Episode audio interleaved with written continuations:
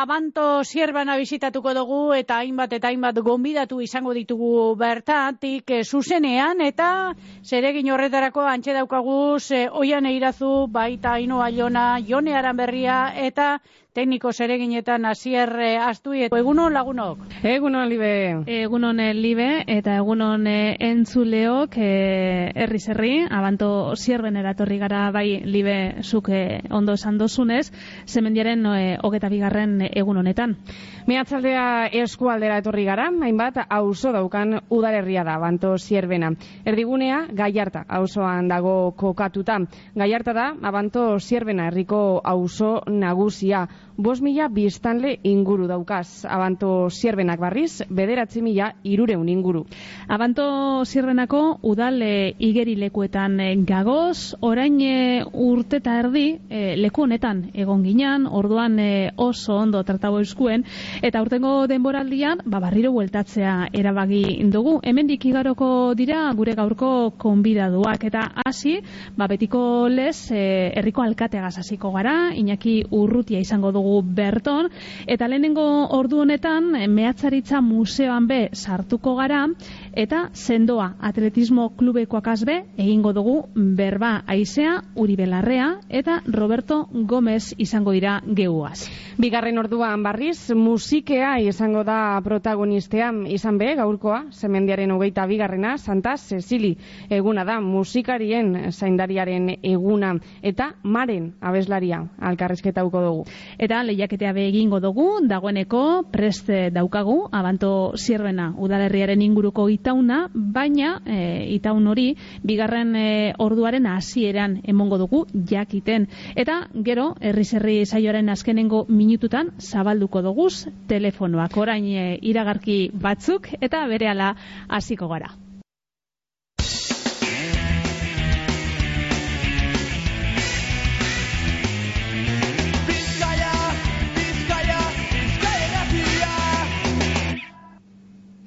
Abanto zierbenako herriz herri hauazteko lehen konbidadua Iñaki Urruti alkatea dugu, amentsa dago, egun hon Iñaki? Egun hon eta eskerrik asko gurera berriro etortxegatik. Bueno, eh, zelandoa, hasierako hile honek, konde guzu? Ba, bueno, e, lanpetuta, e, beste erabatera ezin eh, izan daiteke izan, eta, bueno, ba, posik eta esan bezala lan, lan ez gainezka, baina gure biztalentzako ba, lan egitea ba, placer, placer handia da. Maiatzaren e, hogeta sortziko hautezkunden ostean hartu zen duan, makila agintea, bai. maite etxe barriaren eskutik. E, maite alkatezala zu e, euskera, gazteria eta eskuntza zinegotzia izan zinean, alde handia egongo da, ezta? Zinegotzi izatetik alkate izatera. Bai, e, bai, e, a ber, lana e, bi, bi aletan berdina da e, ikuspuntu honetikan e, ba, biztaleria txako lana da, besterik ez gauza da e, e, horretarako behar den denbora eta, eta claro, e, lehen e, nire lanarekin partekatzen nuen e, zinegotzi lana, baina orain ezin esko e, izan, izan da eta, eta horretan gabiltza, hmm. honetan lanean. Eta zentzuk dira mm, erronka nagusiak legintzaldiari jagokon zelako abanto zierben egin gora dozue? Ba, geuke, edo neuk behintzat buruan daukadan e, e, abanto zierbena da, e, ba, accesibilitate eta, eta mugiko hortasun aldetik e, e, obeago den abanto zierbena bat, geure biztanleria e, obet, e, zerbitzu obeak dituen abanto zierbena bat, eta urbanizazio eta teknologia aldetik e, hobekuntzak izango dituen abanto da, bat daukat buruan. Udalerriak e, Iñaki egitura berezia edo egitura konplexua daukala esan geinke, e, izan be hainbat auzo daukaz, hogeta mar baino gehiago, eta hiru dira nagusiak e, biztanle kopuraren aldetik, handiena gai harta, eta ostean Las Carreras eta San Fuentes. Ez da, erreza izango, ez da, danak posik egotea esate baterako azpiegitura aldetik, e, zela zagozie alde horretatik? Bai, e, betiko erronka da hori, ez, atxetik handatorkigu, eta, bueno, e, orain arte programa bat izan dugu ausotaz ideritzona, e, martxan jarri genduna, e, e, ausoen arteko e, mugikortasuna e, hobetzeko, e, zenbait faktoren gatik e, e, proiektua ezin izan dugu mm, berreraiki edo aurrera eman, da, eta horretan gabiltza, bueltak emonez, e, ea nola, e, berreraiki horrelako proiektu bat geure auzo txikienei edo auzo ruralei e, ba, e, konexio hobeagoak edo konexioak e, emoteko asmoz. Orokorrean udalerria esalan dago azpiegituraldetik badaukazue behar izan zehatzik konkreturik?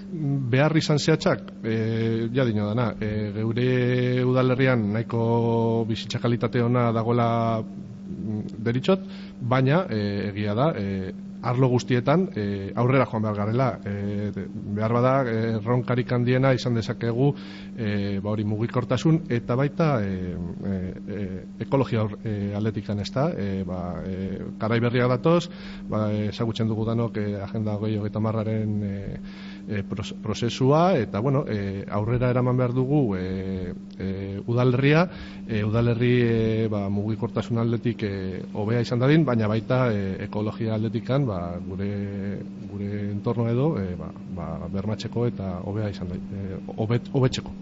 Aurtengo urteari jagokonez amaseiko mairu milioi euroko arreukontua izan dozue, zertara bideratu dira diru partidarik garrantzitsuenak aurton? Pa, Pasaen urteko inozu gaita erukoak. Bai. Arte, bueno, Hori da, bai. Bueno, e, ba, inbertxotarako e, partida nahiko majoak egon diez, e, eta obra e, mugiko hortasun atletik obrak egin dira, eta, bueno, e, e, zehatz mehatz kantitateak zeri dagozkion ezin dizuet, esan ez ditu dalako datuak hemen baina e, inbertsio aldetik e, e, ba, partia handiak egon dira. E, zerbitzutarako be gure biztaleriako biztaleriaren txako, zerbitzu bentsako ba, partidak egon dira, baita. Eta beti gure politika da e, pertsonak e, erdian egotea eta haien egiten dira. Bai e, e, esango dut e, diru diru partidak edo e, zaitit irtetzen orain e, itxa e, e, presupustoak e, mhm. aurre kontuak hori da eta horretan gaitza beti e, pertsonak erdian jartzen eta hientzako ekintzak ginez Une honetan e, ze obra daukazu ez martzan? Bueno, ba, e, nahiko nuke esan aurretik e, obra batzuk be orain egin berri ditugula, e, adibidez, e, kotxe elektrikoentzako kargadoreak esarri ditugu e, e, iru auzo nagusietan, bai San Fuentesen, bai Las zen eta bai Gallartan, eta, bueno, ba, esan, esan bezala, erronka daukagu ekologia atletik, eta, bueno, horreri buruz ere, ari gara lanean. E, gero, hemen berton, el zerra osoan be, e, udali burutegi berriaren obra daukagu, e, bukatxear daukagu, e, espero dugu, e, e, urren urtearen hasiera bukatzea, ez dakite, urtarri lago txaiaren bueltan edo, eta bere inaugurazioa ba, hortxe kokatuko genuke e, liburuteria gainera e, nahiko obra polita dela irutzen zain neri bentsat e, e, espazio ezberdin ditu e, espazio bat e, umentzako dedikatuta beste espazio bat liburutegi moduan e, liburutegi normal moduan da beste espazio bat be badauka e, ikasteko gaula moduan eta beste ordu batzu, ordutegi batzuekin eta eta sarrera eta irteera e, e, individualagaz. Gero bestaldetik be, ba, gauz e, e, txikito gaiarta frontoiaren zabaiko obrekin, e, obrak orain dela, orain dela aste batzuk hasi ziren, eta zabaia osorik aldatuko dugu, eta e, obra horrek dira bitartean, espero dugu bukatuko dela urre, e, urrengo kurtearen lehenengoko iru, iru jabetearen inguruan, eta espero dugu obre, obra hori egiten den bitartean beste zenbait hobekuntza egitea bertan be e, adibidez ba, e, graderioaren hobekuntza e, mugikortasun aldetik ditugun falta batzuk hobetzea eta beste zenbait e, gauzatxo be e, buruan ditugu Eta gero bestaldetik bi proiektu nagusi ditugu orain e, martxan. E, bata da, Peñuka Zauzoko birgaitxe lanak eta energia eraginkortasuna hobetxoko lanak. E, nahiko proiektu handia da, e, honetarako bi diru laguntza lortu ditugu, bata Next Generation diru laguntzak dira, bestea berpiztu diru laguntzak, bata Europatik dator, Next, Generation, Next Generationak, naiz eta gero e, Eusko Jorlaritzak e, ba, gestionatu edo, eta besteak berpiztu laguntza dira, e, Eusko Jorlaritzatik bertatik datozenak. E, bien artean, amaus milioi inguru diru laguntza lortu ditugu ikusi, e, gero presupuesto, gero erre kontua, amasei koma iru milioikoa izanik e, bimea eta gaita iruan, urrengo gurterako ia bikoizketa izango litzatek ez da, eta hori gestionatzea ez da erreza, baina horretarako e, lantalde paralelo bat montatu dugu, eta e, udaletxoko lan ditugu bertan be honetarako lanean, eta geure biztan lehen gatik ezin izan dugu hori atxera bota, ez? Nola egingo dugu e, horrelako auzo bat, hogei portalekin eta eta hainbeste biztalerekin birgaitzeko lanak alde batera ustea ez dugu buruan eta gure biztaleria dentsako ari gara lanean esan, esan duan bezala lehen. Beraz, e, laguntza, diru laguntza batzuk dira, e, partikularrentzak, fatxadak eta huekuntza energetikoak portaletan e, egiteko, eta beste diru laguntzak auzoaren urbanizazio berentza direz, e, e, parte bat, e, be, keu jartzen dugu, udaletxa jartzen du, e, zeireun mila euro inguruko parte bat goere kargu, eta atxo bertan be e, argitaratu zen e, diru laguntzak eskatzeko epearen hasiera bizkaiko boletin ofizialean beraz gere gero ausokideak ja hasi daitezke ausokideak ja hasi daitezke diru laguntzak eskatzen.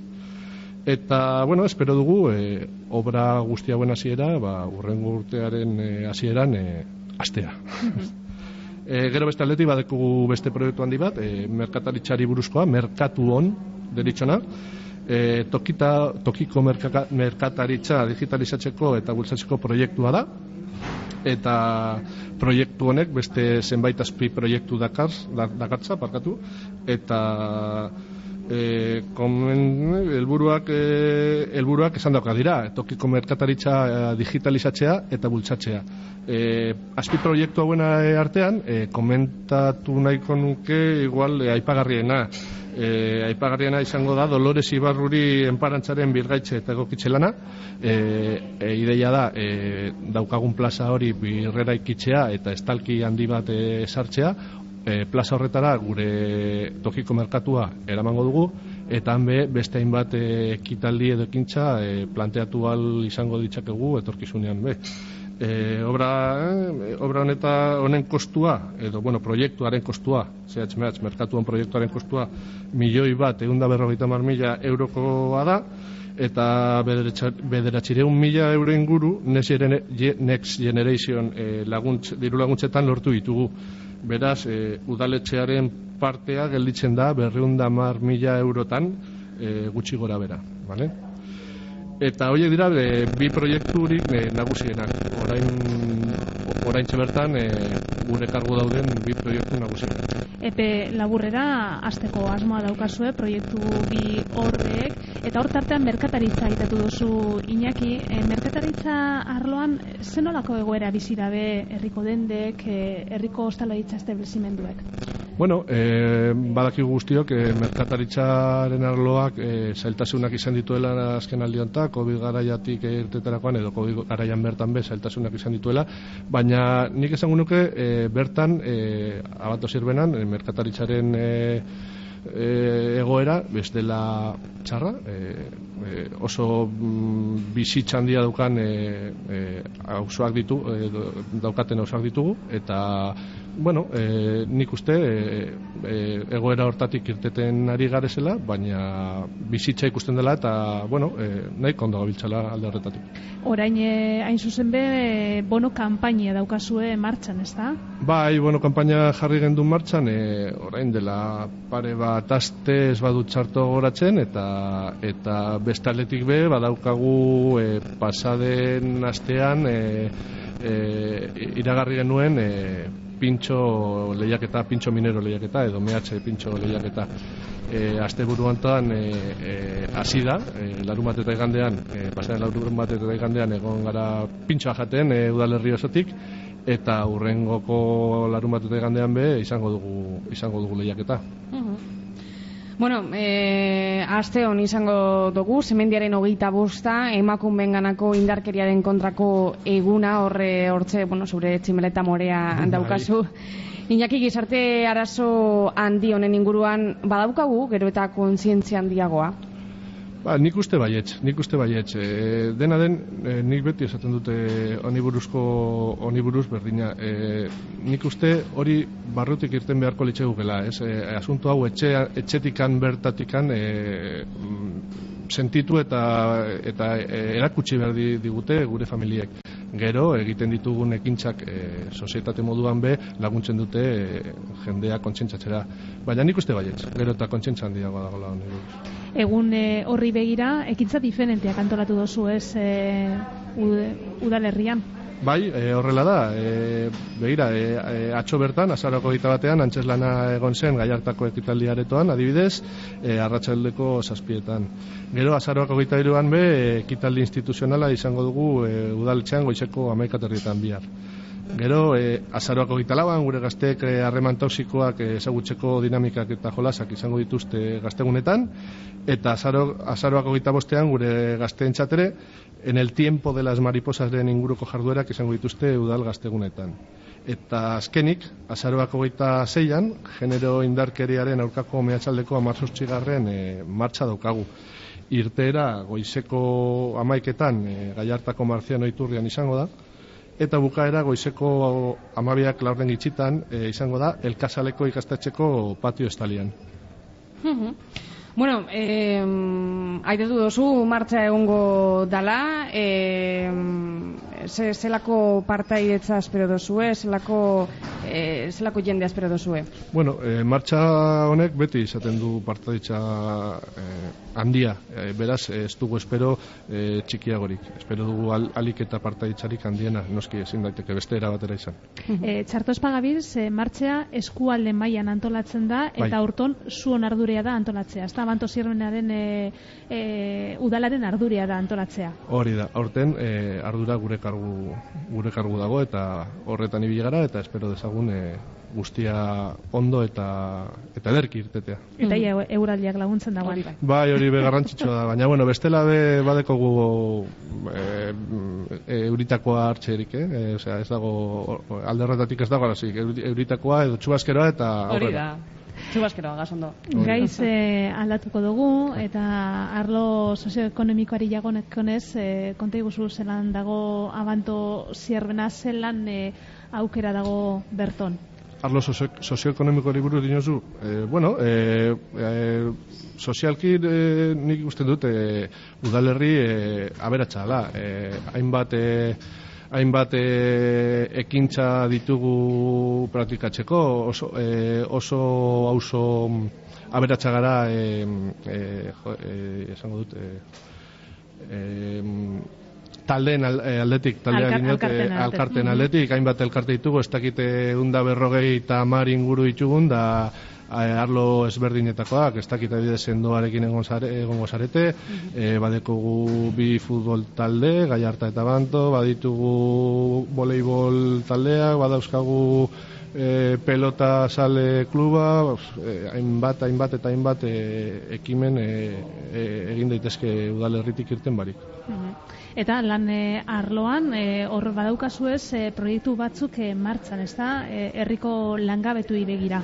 Bai, e, proiektu ditugu eta, bueno, e, beti, beti gabiltza geure biztaleria, e, biztaleriari e, lana lanari buruz e, laguntzen zehatzeko eta bueno, e, beste alde batetik be badekegu e, bi poligono edo bi poligono industrial eta haiekin elkarlanean ibiltzen gara beti, orain etorri zaigu be, edo orain dela denbora bat etorri zaigu e, parke teknologiko berri berria, e, aukera ikaragarria dana, gure biztalerian txako, horretarako egia da, e, lana egin behar dugula geure biztaleria e, e, formatzeko edo eta horretan gabiltza e, geure helburuetako helburu nagusietako bat da e, e, lortzea onera bertara ekartzea e, formakuntza erekin bat edo edo horrelakoren bat e, geure gero biztaleria eta gazteaintzako ba, e, formakuntza e, errasteko eta hemen bertan egin dezaten guztia bai ikasi eta bai lan. Hori da geure helburuetako bat Bueno, Iñaki, amaitzen joateko urtea berabe, e, amaitzeko be gero eta gitzea falta da.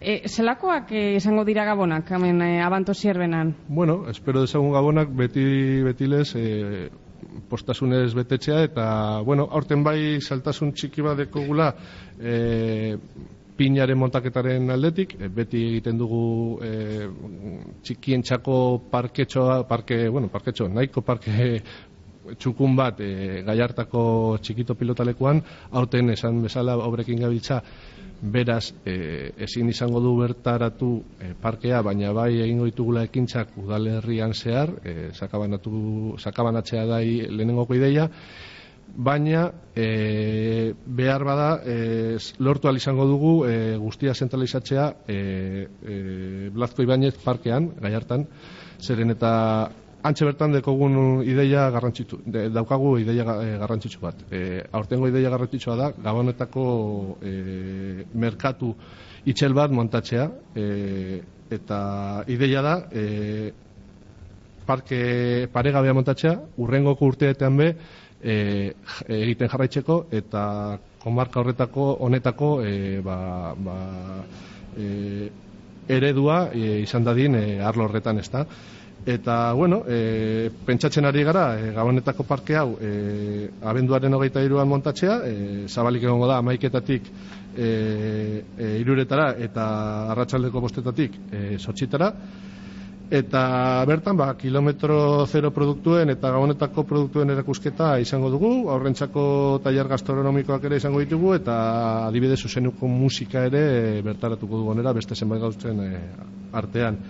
Eh, esan bezala lekua gaiartako Blazko Ibanez parkea izango da eta nola ez eh, enkarturren laguntza izango dugu e, parke hau edo parke hau parkatu e, e, merkatu hau e, edo merkatu honek e, ba, bultxada bultxada itxela izan desan eta ea urren urteetan be esarri dezakegun e, eredugarri e, eredu moduan. Mm -hmm.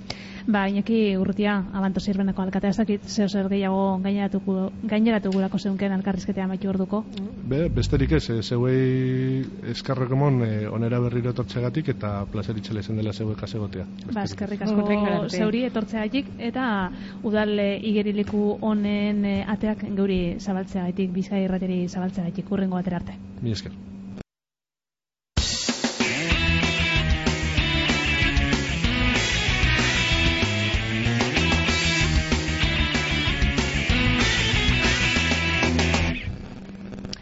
Abanto zierrenan eta inguru honetan mendetako jarduera nagusia mehatzaritza izan zan. Udalerri honetara etorri eskero, mehatzaldera etorri eskero, mehatzaritzea jorratu berreko gaia da, bai alabai. Mehatzaritza museora goaz eta aizea uribe larrea, museoko zuzendaria, etorriaku bertatik, aizea, egunon. Egunon. Bueno, aurreko urtean, 2008an museoa barritzen e, azizinien, ondino obrakaz jarraitzen dozue, zer egin dozue, zelan geratuko da mehatzaritza museoa, Espero dut oso ondo. bai, jarraitzen dugu obrak egiten, baina ja ba, bagabiltzaia amaitzen. Orduan, bueno, ba, azten da ja ikusten eta oso pozik gaude. Uste dugu ba, oso aukera ona izan dela eta gure ekarpena ba, ingurunera ere egokia dela. Baina noski hori amaitzean ikusiko dugu eta gero baita ere beharrezkoa da jendeak uste duena edo ikusten duena jakitea e, bueno, gure intentzioak beti dira onak, ez? Esan nahi dut museoa badago gaur egun meategiaren alboan, baina badakizue ingurunean badago trafiko asko, errepideak daude, poligono industrialak bebai, orduan apurka apurka e, gure asmoa da ingurunea pizka bat e, ezakit, erosoagoa egiten edo ezain bortitza. Eta orduan ba hasi gara nola da esaten da e, e, gurpildun e, e, aulkiarekin joan alizateko eta aksesibilitate mailan ere e, erosoagoa egiten museoko ibilbidea. Orduan hor badaude ba hainbat ara hobete behar direnak Bai. eta gero estetikoki ere nahi dugu era batean geratzea, orduan bueno, ba badakizue. Baina bueno, hortxe gabiltza. Baita ere zahar berritu genuen pasadan urtean e, antxinako mehatxarien etxe bat, orain zahar berritxe tailerrak daude bertan. Orduan oso apurka apurka goaz, baina nik uste dut asko ari dela hobetzen ingurunea eta bueno, hortxe gabiltza. Bueno, museoaren e, web horrian irakurri dugu urte amaieran e, kanpoaldea urbanizatzeko lanak egingo dirala. Obra horrek asamaituko da museoaren barristatze prozesu osoa, izea? Ke ba. Nahiko genuke baina ez, oraindik eh, gauza asko daude egiteko. Beitu, hau da pizka bat ingurune hurbilenean egin nahi duguna, baina baita ere em, badakizue mehatxaldean gaudenez, mehatxaldea zergatik da mehatxaldea, ba, mehategi pilo bat zeudelako. Orduan, museoan bertan ere bazegoen mehategi bat, gaur egun museoa dagoen tokian, eta bere izena zen Peñuzko Mendiola. Orduan, mehategi hori ba, gene, bada, badakigu nondik sartzen zen e, jendea bertara. Lanera, gaur egun lurraspian geratu da, eta gure beste asmoetako bat orain egin ezin duguna, baina ba, etorkizunean nahiko genuke jorratu, izango da meategi hor, horretarako sarbidea e, nolabait e, bueno, ba, egokitu. Eta orduan bizitariak etortzen bazarete museora, ez bakarrik ikusi museoko ingurune eta barrukaldea, baizik eta baita ere meategi horretara sartzeko aukera izatea. Ez da kontxa bigarrena me, bezalako meategia, hori zeru zabaleko meategi erraldoia dena, eta hori denok ikusi Hau dezakeguna. Hau da lurpeko meategitxo bat. Ez da ohikoena, baina bertan dagoenez, ba, saiatuko gara hortan ere za, e, lan egiten. Eta asmo hori, epe laburrera edo Badakizu zeren arabera, diruaren arabera. hori horrela izango da, zeren guk nahiko genuke ba hori, eh, finantzazioa izan, proiektuak badaude, museografikoki ere, teknikoki, dena badago ja paperean, paper gainean badaukagu, baina horretarako behar da, gero, ba, hori, injekzio ekonomiko bat, orduan, ba, ahal dugunean egingo dugu, bai. apurka, apurka. Hori Une da. honetan e, mehatzaritza museoa ikusten doanak, e, zer ikusita urtetea gurako zeunkie? Mm, beitu, mm, nik uste dut museo berezia dela, e, bolondrez asko daudelako lanean, eta horrek naita ez ematen dio oso toke ezberdin bat. Eta gainera gure bilduma ez, ez da mm, arte derretako bilduma bat, ez da eskultura oso artistiko ez osatutako bilduma edo. Gure bilduma dira gauza e, arruntak, gauza normalak e, gehi, jende gehienak ezagutzen dituenak noizbait ikusi dituenak. Eta orduan hori da gure bildumak daukan berezitasuna. Gauza oso arruntak direla mehatxaldeko inguruneko edo e, bizimodu normal bateko objektuak, kaskoak, bagonetak denetarik, baina nik uste dut importanteena dela e, bilduma hori e, sortzeko prozesua. Esan nahi dut, larogi garren amarkadan hasi ziren gauza hoiek guztiak pilatzen, eta gaur egun bilduma oso potentea daukagu. Potentea bi asmotan, zeren gauza asko dira gainera, eh? orduan oso, oso anitza da, eta gainera oso ezberdina mm, gauza, gauzen artean ere, badaukagu anistasun ardi, handia. Orduan, e, jendeak ikusten duenean hori, nik uste dut ikusten duena da, beitu, gauza normalak dira, beitu, ba, hau, ze, hau nire baserrian zegoen, edo nire amon, aiton amonek ere erabilitako, baina museo batetan dago, eta orduan, museo honetan hitz egiten duguna ez da gauza oso berezietaz, baizik eta edo nork hemen bizkaian eta ingurune honetan egindako bizimoduari buruz. Orduan, horrek nolabait unkitzen du jendea, ez guztiak, noski. Eh? Eta umeek ere ikusten dutenean ez dira gauza oso abstraktuak ulertzen dituzte, e, ikusten dute ura eramateko zera e, tramankulu bat eta esaten diogu beitu ba umeek ere bederatzi urterekin hazen ziren lanean, ura eramaten zuten emakumek eta orduan oso hurbila den bilduma bat daukagu, gero bat daude gauza zientifiko-teknikoak, baita ere ba, mineralaren prozesuaren inguruan, hoiek agian bai, ba, pizkat bereziagoak dira. Baina bilduma gehiena iaia etnografikoa da. Orduan alde horretatik nik uste dut oso hurbila dela eta jendeari normalean hori da gehien gustatzen zaiona. Mhm. bueno, e, eta konta iguzu zelako jarduera kantolatzen dozu ez, bizita gidatuak bai, ezta? Pilo bat, pilo bat. Pilo bat. landa langa biltza. Beitu, ba, justo ari gara baita ere pentsatzen nola antolatu Santa Barbara. Santa Barbara abenduaren lauan da, eta ba, ja, e, ez dakien ari esango diot, Santa Barbara da mehatxarien eta artilleroen e, zaindaria, ez? Eta orduan guk beti e, ospatu dugu, nola bait. Orduan e, aurten astelena da, hasi azten gara pentsatzen, ba, bueno, e, nola ia sei, arratsaldeko seietan ja gaua sartua den, saiatuko gara em, em, antortxa batzuekin edo kandela batzuekin e, prozesio txiki txiki bat egiten eta gero ba zaindariari abestu. Hori egingo dugu eta gero ba ez dakit edo txokolatada bat edo zerbait jateko baita ere, ez, berotzeko Hori ari gara prestatzen oraintxe bertan eta gero baita ere baditugu gabonetako tailerrak umetxoekin. Hoiek ja beteta daude, erreserban sortzi plaza ditugu eta eta baita ere badaukagu aurten eta berezitasun moduan enkarturrekin e, e, eskualdeko turismo erakundearekin badauzkagu baita ere bizita gidatu batzuk e, mehatxalde ingurunetik, bai muskizetik eta bai sugaztietatik. Ez dira banto zierbenan, baina bueno, es, mehatxaldea da eskualde osoa. Orduan horretan ere bagabiltza. Eta bueno, balan dalan.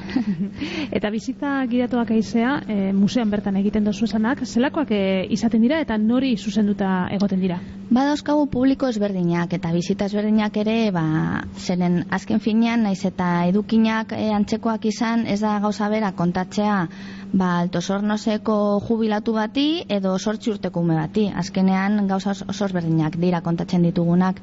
Eta mm, normalean egiten duguna da, Bizkaiko industrializazioaren sorrerako momentuetan, hau da, emeretzi garren mende inguruan, e, pizka bat azten denean eskualde hau ba, mehatxaria, mehatxaritza e, ateratzen, me, minerala ustiatzen eta baita ere siderurgia eta horrelako enpresak sortzen, hortxe mugitzen gara, eta horren inguruan al, e, kontatzen ditugu aldaketa ekonomiko horrek edo jarduera ekonomiko horrek sortu zituen eraginak, bai gizartean, bai ekonomian eta baita mm, e, ingurunean ere. Esan nahi dut, eko, e, ekologikoki ere oso aldaketan handia izan zen. E, sugaztietaren izena esaten da sugaztieta dela zuaitzik gerat, osea, zuaitza geratu diren eskualde bakarra izan zelako. Osea, deforestazio handia da karmea txaritzak eta orduan horrelako gauza kontatzen ditugu, baita em, bizi baldintzak, familia ezberdinak, gaur egun familiak ba, normalean seme alaba gutxi edo murriztu batzuk izaten dira, garai horretan amar, amaika seme alaba izaten zituzten, gaixotasunak ere bazeuden, ospitalen sorrera, areilza doktoreari buruz ere hitz egiten dugu, oso mediku ospetsua izan zela eskuolde honetan, e, mehatxari, mehatxari ospitalen zuzendaria, orduan, e, normalean kokatzen gara momentu horretan. Gero, e, nolabait e, instituto batetik edo batxillergoko talde bat etortzen bada agian bizita hori oso basikoa da, nolabait esate eta orduan egiten dugu beste bat eta hori bai da industrializazioari buruz konkretuki, zeren bizkaiko industrializazioa jorratzen da e, normalean historia, bueno, historia edo, edo humanitateak ikasten dituzten ikasleen artean. Orduan, horren, horren inguruko bizita gidatu bat konkretuki ere badaukagu. Eta, e, orain dela ja bi urte hasi gara, bolondresekin lanean bizita gidatuak egiteko. Zeren ez da gauza bera, e, bebai bizitarientzat ba, gida profesional batek bizita kontatzea, hori oso ondo dago, baina agian baita ere badauka kutsu sarmangarriago bazez, ba, nolabaiteko e, aintzinako mehatxari batek, edo hemen eskualdeko gizon edo emakume batek kontatzen badu, ba, bere bizitza ere ez, bere, bere bizitzako abenturekin edo anekdotekin. Eta orduan horretan ere bagabiltza lanean. Oso bizita murriztuak dira, talde txikiak, ez ditugu e, normalean e, eskoletara eta ikasoletara ez zaia inbeste interesatzen, baina bueno, e, pres gaude ere antolatzeko, eh? Baina horiek dira pizka bat, ba, helduentzat edo talde txikientzat bizitak. Eta mm, egin ditugunak e, gutxienez oso oso reakzionak izan dituzte eta ba zoriondu gaituzte ba ze ondo zeren e, azkenean lehen lehen lehen, osea, e, aurpesa aurpesa aurpegiko e, kontaketak dira eta horrek ere badauka bere garrantzia, ez? Mhm. Bueno, bizitak aiatu dozuz, eh, baina argazki lehiaketea be martxan daukazu, ez da? Bai, bai. em, amaitu zen e, pasadan astean, amabostean epea, jaso ditugu geita mar argazki baino gehiago, posik gaude zeren lehen, e, lehen aldia da e, argazki lehiaketa bat egiten duguna, eta kasu horretan izan zen e, baita ere gure ekarpena Europako jardunaldietan, badakizue Bizkaiko foru aldundiak antolatzen dituela e, jardunaldi hauek, eta guk nahi genuen egin zeren e, urtero lelo bat aukeratzen dute, kasu honetan izan zen ondarin materiala eta bueltak eta bueltak eta bueltak ematen esan genuen, jo, nola ez, egin dugu erakusketa bat gaiartari buruz, badakizue gaiarta desagertu zela, baina baitaren izan genuen hori argazki lehiaketa bat egin. Eta argazki nahiko politak daude. Orduan, bueno, ba, nik uste dut aste honetan ja, gaur aste azkena da. Uste dut ostiralean ja, izango dugula web horrian eta sare sozialetan ere e, nori izan den irabazlea. Eta, eta bueno, ba, eskerrak eman parteatu duten guztiei, zeren nik ulertzen dut e, gaia nahiko komplexua dela, ondarin materiala askotan, ba, zer da hori, claro, errazagoa da egitea paisaiari buruzko edo ez dakit, edo zer gauza oso oso zuzenean ulertzen dena, baina, klaro, gura asmoa zen baita ere, pentsarara, zi, ez, zer da un materiala, seria tera behar diot argazki bat, nola ospatzen dugu edo zein da gure ondarin materiala eta, bueno, ba, esango, ikusiko dugu. Ikusiko, horren zain geratzen gara. Hor, gu, geure gaiarta erakusketa itatu dozu, aldi baterako erakusketea, bertan dago e, ikusgai, e, labur labur badabea izea, kontako eskuzu zer eskaintzen dagoen e, erakusketa honek? Bai, ba, beitu erakusketa da, e, aspaldi nahi genuen erakusketa hori egin, baina, bueno, ba, badakizue, edo non bezala, ba, badaude gero beste gauza batzuk egin bar direnak askarrago, eta orduan, ba, hori beti geratzen zitzaigun pizkat, e, bueno, ba, egiteke. Eta gure gaiarta, e, guretzat da omenaldi bat ere, zeren, bueno, gaiartako herria desagertu zen, gaiarta oso bat zen, gaur egun ez da apenas ezer geratzen, gai, or, or, gaiarta horri buruz, eta zer nahi genuen, ba, pizka bat hori e, mai gainean ipini zer dago antxinako gaiartari buruz, zer daukagu guk bilduman, e, zer da antxinako gaiarta. Eta ekarpen oso onak izan ditugu, partikularrenak behin ere. E, konkretuki bi pertsona ditut buruan, Mabi eta bueno, Adolfo, ekarri dizkigute pilo bat gauza erakusketan sartzeko. Gero, claro, gure espazioa txikia da, orduan gauza askoz dira sartu, baina museoan ditugu. Zinemako sarrerak, gaur egun ja, bueno, ba, gai hartan sinema bat izatea, ezakit baina oso arraroa da, ez? Ba, garai horretan, ba, zegoen, eta gainera jende asko jaten zen sinemara, herri txiki guztietan ere bazeuden, baina, bueno, ba, baditugu horrelako gauzak, baditugu planoak, baita ere gai harta bota zuteneko garaiko planoak, e, espropiazioaren boletin ofiziala ikusten da nola, nola egin zuten edo nola arautu zuten dena. E, kuadroak, artelanak, baita ere, bai jendeak, hemengo jendeak hori marrastu du. E, Aintzinako etxeak marrastu ditu, edo margostu ditu, ba, nola zen, hau zen ez dakitzer, dendak, eskaparateko argazkiak, pertsonen argazkiak ere, ez dugu hori aztu izan nahi, zeren askotan igual herri bati buruzko ez dakit erakusketa bat egitean edo hartzen duzu. Planoak, etxeak, ez dakitzer, baina gero nor bizi zen hor, ba, baditugu baita ere argazkiak, nolako jarduera kulturalak egiten ziren, e, nor biltzen zen frontoian, orduan espazioa txikia da, txikia geratu zaigu, baina saiatu gara hori egiten, eta nik uste dut lortu dugula, gaiartako jende asko etorri da erakusketara, e, bueno, gauza asko daude e, oraindik ere jartzeko, eh? Eta gainera e, oso deialdi importantea izan da hori zeren ikusterakoan jendeak nola egin dugun erakusketa esan digu, jo, ba, nik badaukata ezagizer kontatuko dizuet eta orduan baita ere bada e, nola baita osko ondare hori jasotzeko aukera. Orduan baita ere elkarrizketaren bat egin dugu, e, ba, jende nagusiak kontatu digulako nolakoa zen herria beraien e, gogoetetan, ez? Mhm. Eta horrek ere, ba, erakusketak ere horren aukera eman digu. Noiz arte egongo da ikusgai erakusketea? Otsaiera arte. Otsaiera arte. Bueno, eh, ondino aukerea daukagu. Mhm. Horretarako baina Euskal Herriko mehatzaritza museora urreratu beharko gara. Aizea uri belarrea. Eskerrik asko mentxe, gugaz gaitik. Zuei, benetan.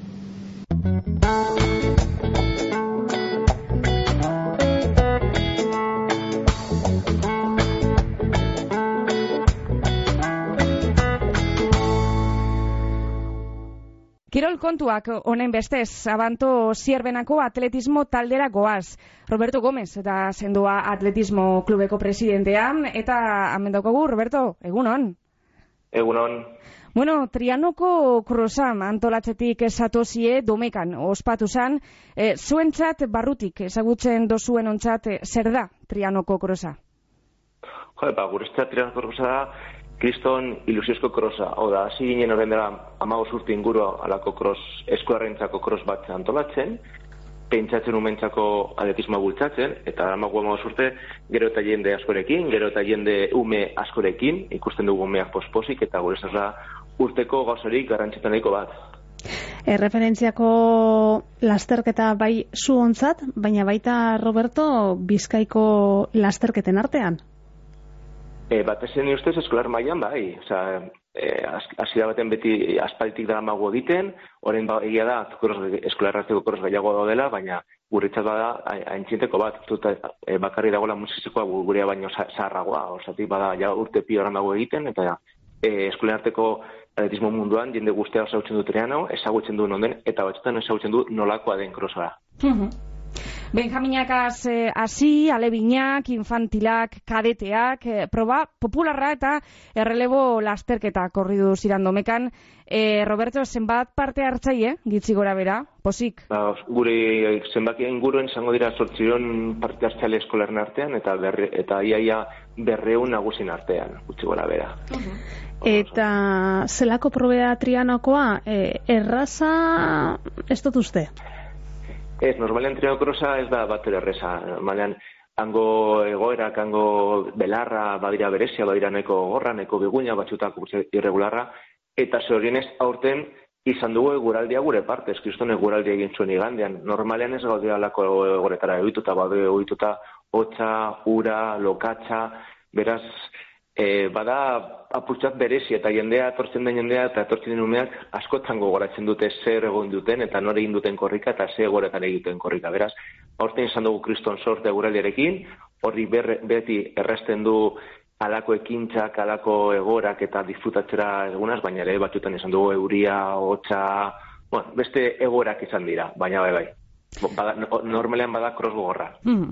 Bueno, e, udago inagaz batera iristen da crossa, cross e, denboraldian sartuta gagoz. E, badago saletasunik bizkaian, bai salen aldetik, bai korrikalarien aldetik? Bai, nestez crossa beti egon da hor, e, beti, bizkaian eta euskaren beti egon da crossaren munduaneko barneuta, neko sardeneko zaitasun egon da gaur ere ikusten dugu e, mendiko lasterketekin batera ere nahiko indartu daude, bada, ez da antzeko, baina bada beti kanpoko ekintzak e, mendiko gauzak, e, zelaiko gauzak, eta beti daude alako gauzak kikrokros bezala, beste arrora pasata, eta noizte esalako egorak bizkaien beti izan dira bere, bere esparro eta bere zeletasuna. Eta zendoa klubeko korrikalarien artean, Roberto, zer e, gura dugu dabe pistako probak, e, asfaltoko lasterketak, edo krosean ibildea?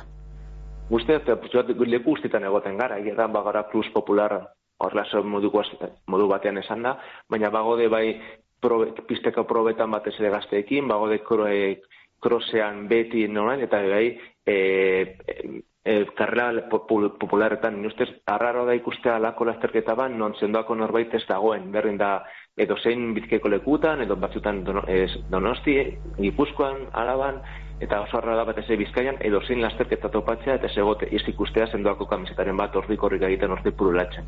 Eta, domeko honetan, santurtzin egon gozaria, santurtzi bilbao egiten?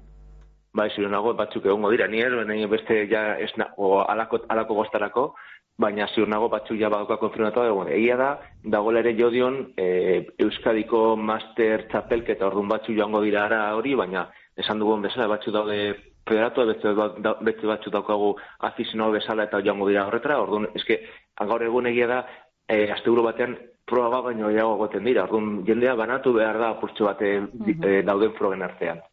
Eta zelandako osasunez zendoa atletismo taldea? Bueno, ez ondo gaude, vamos, ez, da, ez dugu ez gara talde erraldoia, horrela modua esan da, egia da, gure eh, herria ikusi behar dugu nolako dena, da, ez da, Bilbao bezala daukagun Bilboko dauen biztanlea, edo Santarak galdu duen biztanlea, baina ustez nahiko gaude, bagen herrirako nahiko ondo gaude, izate, izango dugu berrogeita mar ume gurekin gure gutxi gora astea, zart praktikatzen atletismoa, federatuak izango dira irurogeita mar inguru, eta daude hori inguru horretaz gain daude afizionato pilo gurekin egon diren e, federatuak horren ez daudela, edo parte hartzen gurekin, hori, eta gero ere menditan egoten gara gaiarretako taldearekin batera lotuta. Kirol eh, eskolan esan duzu, berrogeta mar bate ume egongo dirala sendo atletismo taldean, eta neskak eh, zenbat inguru? Gehienak. Ah, baitu? Gehienak. Bai, bai, gehienak. eh. Batez ere, nizte eskutxora, nesken kopura euneko e, irurogeita mar edo izango, izan, izango dira neskak. Azkenean mutin artean futbola beti da indartsuna eta um- ume gehienak doaz futbolera. Baina neskak badaukate, anistasun gehiago daukate kirola egiterakoan, horzatik gehienak neskak esaten dira. Mhm. Bueno, egunean, eh, egunean, eh, klubean lan ikaragarria egingo da, ez da, zelako, zelako lana egiten dozu egunerokotasunean. Jo, ba, egun egoteza, normalean, ba, esan dudan, esan dudan bezala, ba, e, umentzako entrenamentoa prestatu, antolatu, urtean zehar egiten dut, dugun lasterketa e, antolatu, zera, zitrenako krosesa apartere egiten dugu Ricardo Menaldian e, maiatzan, eserante zigoera e, kainan, e, eldan egiten dugu herriko e, podri, e, elkar, elkar, elkarrekin badiez beste e, jaietan edo beste ekintzetan parte hartzen, eta horretaz gain, ba, egun federakuntzako gauzak, da, fitxak aldea, bilerak, bueno, ba, azkenean alako klubak saluda gauden goienok, uste dakigu, e, e, urtean zehar lana daukazula. Eta lan hori egiteko, jente asko zagozie, ala normalean gertatzen danez, e, ba, bueno, e, jente gehiago e, behar izan horregaz egoten zarie. Hor- hor- hor- Hori hor, beti izaten dugu, ez gauda esko, gaudenekin moldatzen gara, baina beti dozein laguntza on- ongi etorri esaten da. Azkenean gure txat hau ez da gure lan, hau da gure e, aizi a- aldetik, gure denboratik atretzen dugun e, zati bat, eta, eta hor hau sartzen dugu ekin txanak, hemen sendoalizmo taldean goden guztio, guztio gara afizionatuak, bai, direk- bai di, talde direktiboan, bai e, aleta bezala, hor zatik, hor batzuk egiten dute ematen denbora hori entrenatzen, eta beste batzuk ematen dugu denbora hori ba, gauzak antolatzen edo alduguna egiten. Eta zu, Roberto, bueno, klubeko presidentea zara, baina korrikalaria behi izan zara? Bai, esan nintzen ere garaian, antxinean, gaztean nintzenean horrela esateko moduan, bai, bai. Beti da nik ukidozu horre korrika egiteko grina edo... Bai, niri beti gustatu zait, azkenan niri beti gustatu zaite kanpoko ekintzak, eta ni, bueno, ba, txikitatik egon nintzen ez, ba, honetan sartuta eta gustora nengoen, ba, hori, hori zaitzen ez egiten. Ez bakarrik eh, korriketik, ez da, egiten duzun lagun, lagunengatik, egiten duzun taldeagatik, azkenan umentzako gauzak batzutan hori da garrantzitsuna, garrantzitsuna ez da irabaztea edo irabaztea, garrantzitsuna ez da taldeak egitea, lagunak egitea, bizi modu bat erakustea, apustu bat esfuerzo erakustea zer den, eta hori da lagutza etzen duguna lantzen.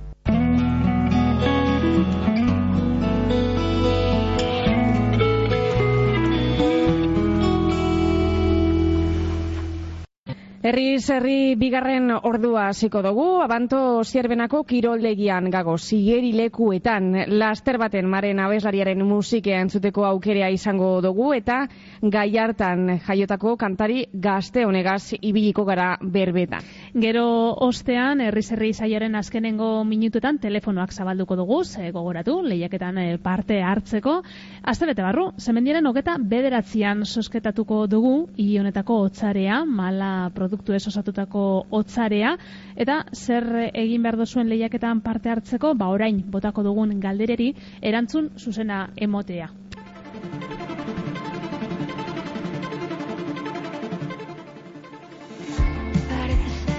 Eta hau da gaurko itaunan e, ainoa. Mila bederatzen da larogeita amabost garren urtean, e, zerbena abantotik banatu zen, Espainiako provintzia baten abanto izeneko herri bat dagoanez, eta Espainiako legeek estadu barruan izen bereko herri biegotea debekatzen dabenez, gaur gagozan udalerri honen izen ofiziala abanto zierbena da, ondino be. Galderea, Espainiako zein probintziatan dago abanto herria. Eta erantzuna badakizue. Herri zerri saioaren amaieran. Guazen orain, marenen doinuak entzutera.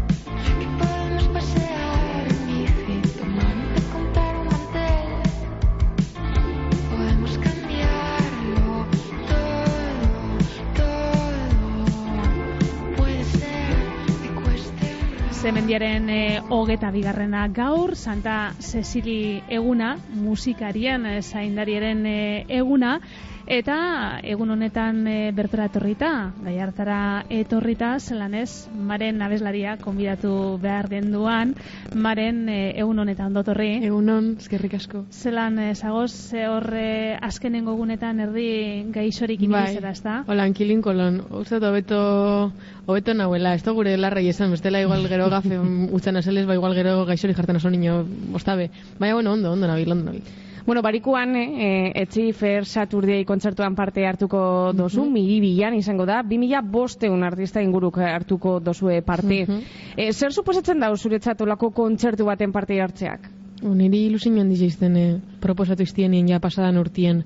Eh, Fair Saturday berez eh, dan elkarti, ez da, edo organizazioen niri eh, asko miresten da zeurek eh, egiten da ben lana, eta zelan kulturan bitartez hainbeste proiektu aurrera tateko ba, ideia dekien, ez da, eta ni horren parte izan albanaz, ba, edertu eta bi mila ez dakizen bat pertsona gazen albaot, ba, nino begi jau. Uste, dut, eh, gehien igerten dana elkarlana dela eh, proiektu honen barrun.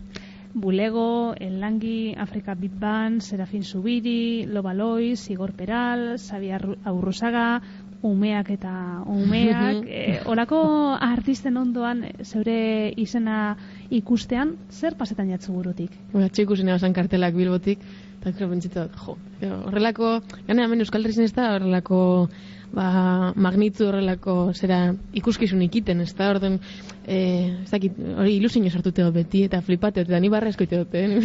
Bueno, no kuentzeko ban, ez da, ez dakit, orduan ni ilusinioz beti. Ezagun, ezagutzen ez da berentzat eh, maren edo sobre musikea entzun ez da berentzat, eh, zelakoa da maren musikari moduan? Nik uste dut ironia nahiko erabiltzen dudan artista bat zela e, bai gauza honak, bai gauza txarrak e, ba, bideratuteko.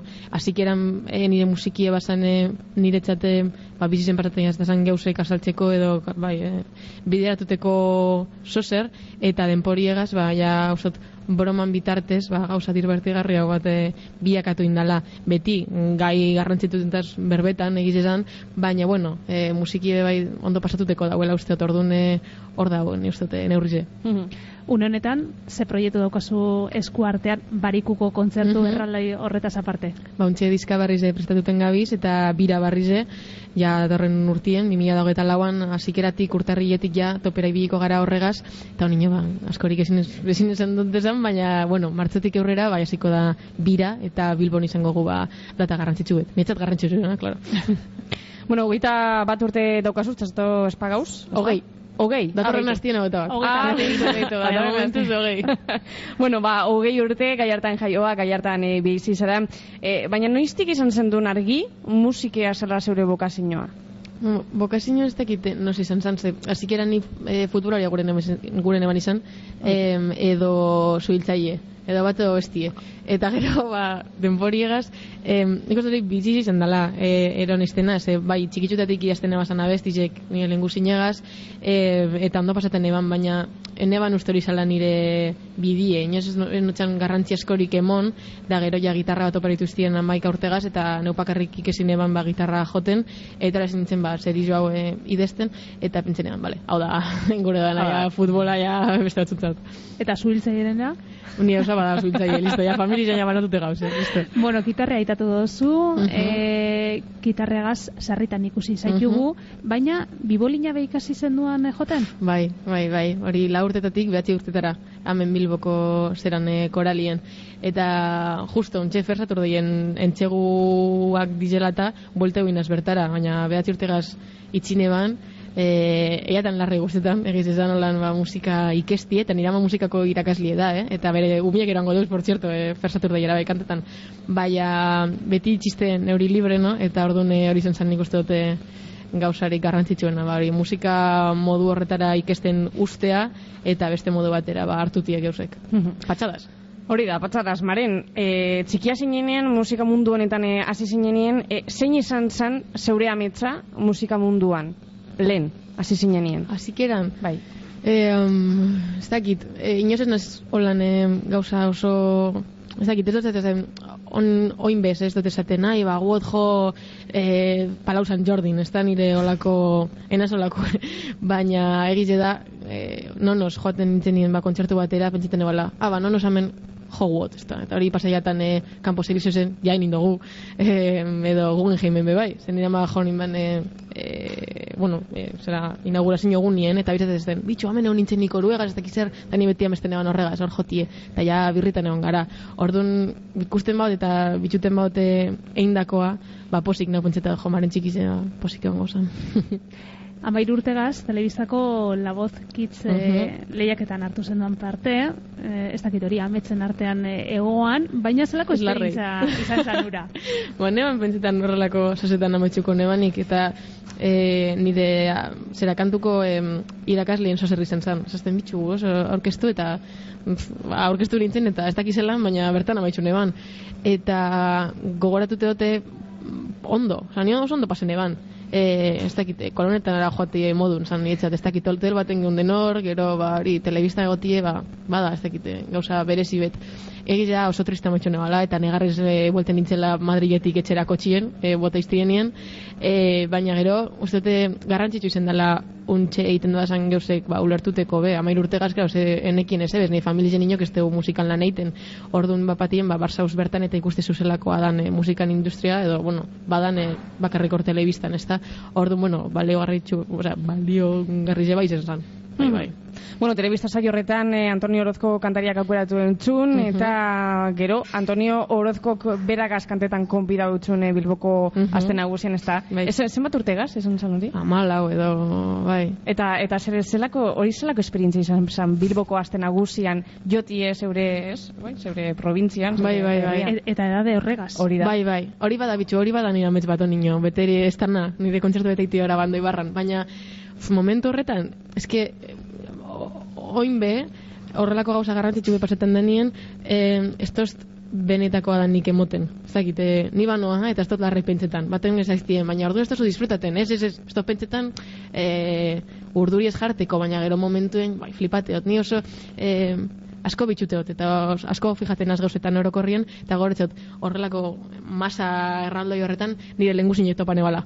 Eta esan ebala, bale, listo, hau bitxukot, eta ardu nire lenguzin horto bera animaten, eta hori izan zan niretzat, eh, ba, geusien, no? Men, ez da lotek izan, eh, Antonio Orozko gaz, eta nire lenguzin jamen erdizen, bale, perfecto. Nekoa. bai. Amala urtegaz, eh, kaleratu zanduen be, zure lehenengo EPA, Mhm. alguien sinvergüenza izeneko lana, 2018an, Mhm. zelan gogoratzen dozu lan hori kontutan eurukita urte batzuk joan dirala, eta Bai. beste lan batzuk kaleratu dozu Bai. zela. Jo, denbora pillo pasetan dut, eta ez dozte moten hain beste, baina sei urte, ja. Sei urte bai. Em, ba, arro sentiuten naz, lan horretaz, banekien garrantzitsu zala, hain gaztetan egindako zozer, benetan e, denporien e, zera, ba, ondo pasatuti, ez da, ez ontxe entxuti da esati, ze, ze da hau, ez da. Orduan, e, arro, ikuste badalako nire ideiak ondo azaldune bazala, gero ja, ustot, horren ostien izen zala purbete aldaketi eta gauza zaien zaiak ez izien momentu, ez da, ba, ja nagusi zau izarelako, eta ja presiño izau dauelako, momentu horretan ez egon, ez ebez, orduan e, gure izan eban, nahi neban, eta pentsatu dut bitxu, ba, listo, hori izan zen amala urte gazo, amairu, klaro, graban eban nien enguren ebana, ba, listo, posik. Mhm. Bueno, gero, ostean eh, etorri dira Margarita Sila banda eta begizek eh, diskoak eta hainbat eta hainbat eh, single. Gazteleraz, euskeraz, katalanez, zein ingeles eskaleratu duzu zabestiak. Zein hizkuntzatan sentiduten zara erosoago? Erosoen euskaraz hori, ziur, ziur. Em, badeko gulako e, asaltzeko edo espresateko modu bet. Eta euskera berez bada oso poetikoa. Ez dakit itxasko bade, badekie metafora zozer. Ez da, euren, euren barruen. Orduan eroso horretan guz- guztote ondo pasetan doalako. Eta soinu aldetik be bai oso, em, ez dakit guztetaiat, e, erraminta modun abestizik idazteko asko guztetaiat. Gero egite da erderaz e, kantatu dala gehien bat, em, bueno, proiektu lan bilakatu dalako azkenen eta Espainia mailako oso zer bilakatu dalako, baina gero ingelesez be bai asko guztetaiat e, divertigarri zabe dalako usteot, eta bai, bakotxak badeko azaltzeko modu bet, eta hori gira bestitzatan bai zalatuten da. Katalanez badekotez bi kanta bakarrik, e, baina, baina ezkenien, untxe momentuen, mm, uste mm, berbagiz egiten doan hizkuntzie katalana izango dala, untxe Barcelonan bizite eta lan egiten. Orduan, e, claro, danak di garrantzitsu azkenin.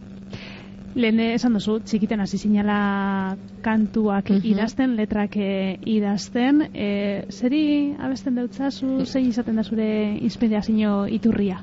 gaur egun asko e, denboran e, bueno, bai, nagusi egiten zeran asko ite dut berba em, eta gero bizitzen zierba mm, ez dakit hartutako esperientzien e, zera e, buruz.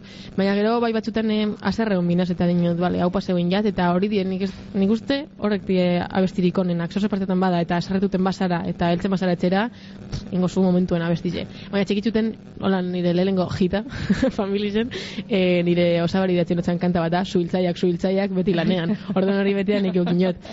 Baina, baina gaur egun hori, e, burbete danan inguruen, holan, pasataiatan guztizen inguruen. Eta ze musika entzuten dozu, zintzuk dira zeure, zeure gustoak?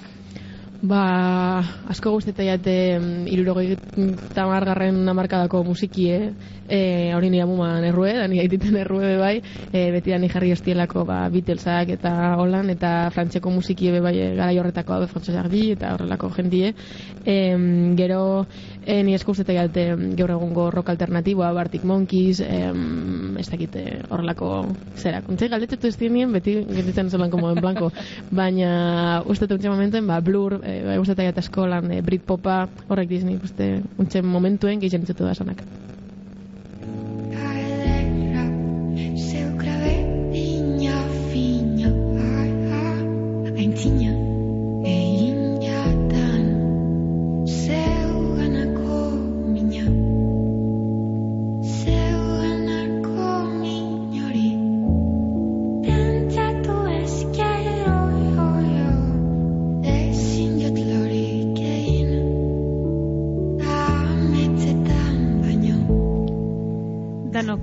ezagutzen dugun eh, euskal eh, abesti tradizionala, Mhm. baina zugaz lotura berezia dauka, Bai. konta iguzu, Bai, nosan bai. eh, katalintxu. Katalin Barrena, nire ereina mona zan, em, eta beste hori txintxien e, bere herriko e, otxandioko e, neskerik guapien gaitxik. Habito? bai. Eta etxien badeko ba, partitura originala, e, bere argazkizek bandagaz, egin nintzi, ez herriko bandagaz argazkizek, eta e, niretzat txikitzutetik izan da, ba, lokanta bat, modu batera da bestera, eta ba, guri esan zozer, gobertute dute, ja nagusi zegoen nintzenien, eta ikastolan e, jarten bienien, osaltzen bienien, ni beti eskue, tente, eta, ai, nire, nire jamoran kanta bat, ez dakiz zer. Em, ordu oso, oso beretsi izan da, beti, beti, beti.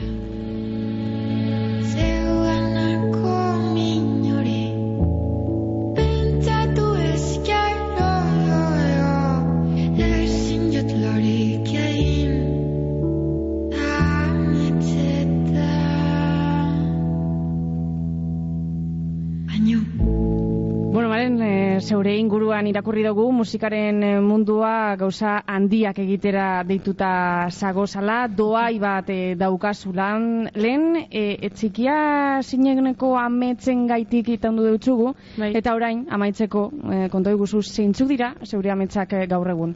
Gaur egun, em, esperot, em, musika ze, ostete, lar markatute dauela egin behar dugun bidie gaur egun musikarizek. Bai Euskal Herrizen, bai Espainia mailan, no? ez dakite, beti da sotaka bai horrai esaten dana. Eta nire ideia izango zen e, guztako jatana hori apurbeta ustutie, ez dakite, ez dut ez mundua entxikize danik. Ez Euskal Herrizetan guztize, ez Espainia dan guztize, nik e, askoz global hau ikuste dut dala dana, eta asko ikuste dut untxe em, bakanpoko jentigaz berbetan, eta apurbete hori guztate jat, ordu nire ideia musikiegaz bada, be, bizi guztirako sozer izetie, e, mundu guztira zabaldu alizen aldogun sozer, eta mm, eta holan ametxe klarubet, adibidez, atxe ikusi neban primavera soundek atara bala ba, euren kartela, eta esan deban bitxu, aguzeko baiatan, nonos, nonos, ba, primavera sounden jotie. Eta gero be, aitetu dozunalen, ez da bilboko azten nagusia. Bai, mesedes, mesedes, agurto, agurto entzuten bada. Mesedes. Ederto, ba, maren, un placer bat izan da, eskerrik asko. Mila esker etortzeagatik, eta, bueno, dana ondo baino beto egin daitela. Eskerrik asko.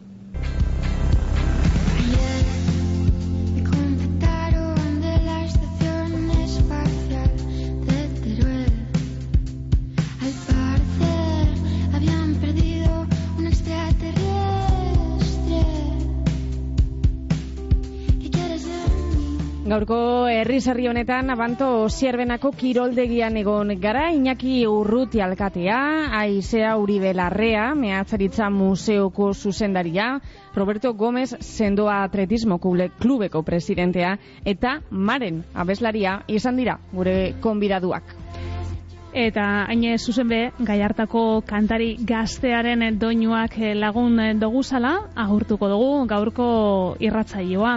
Datorren astean, Lea Artibai eskualdera joango gara, etxebarrian egongo gara, ordurarte ondo izan.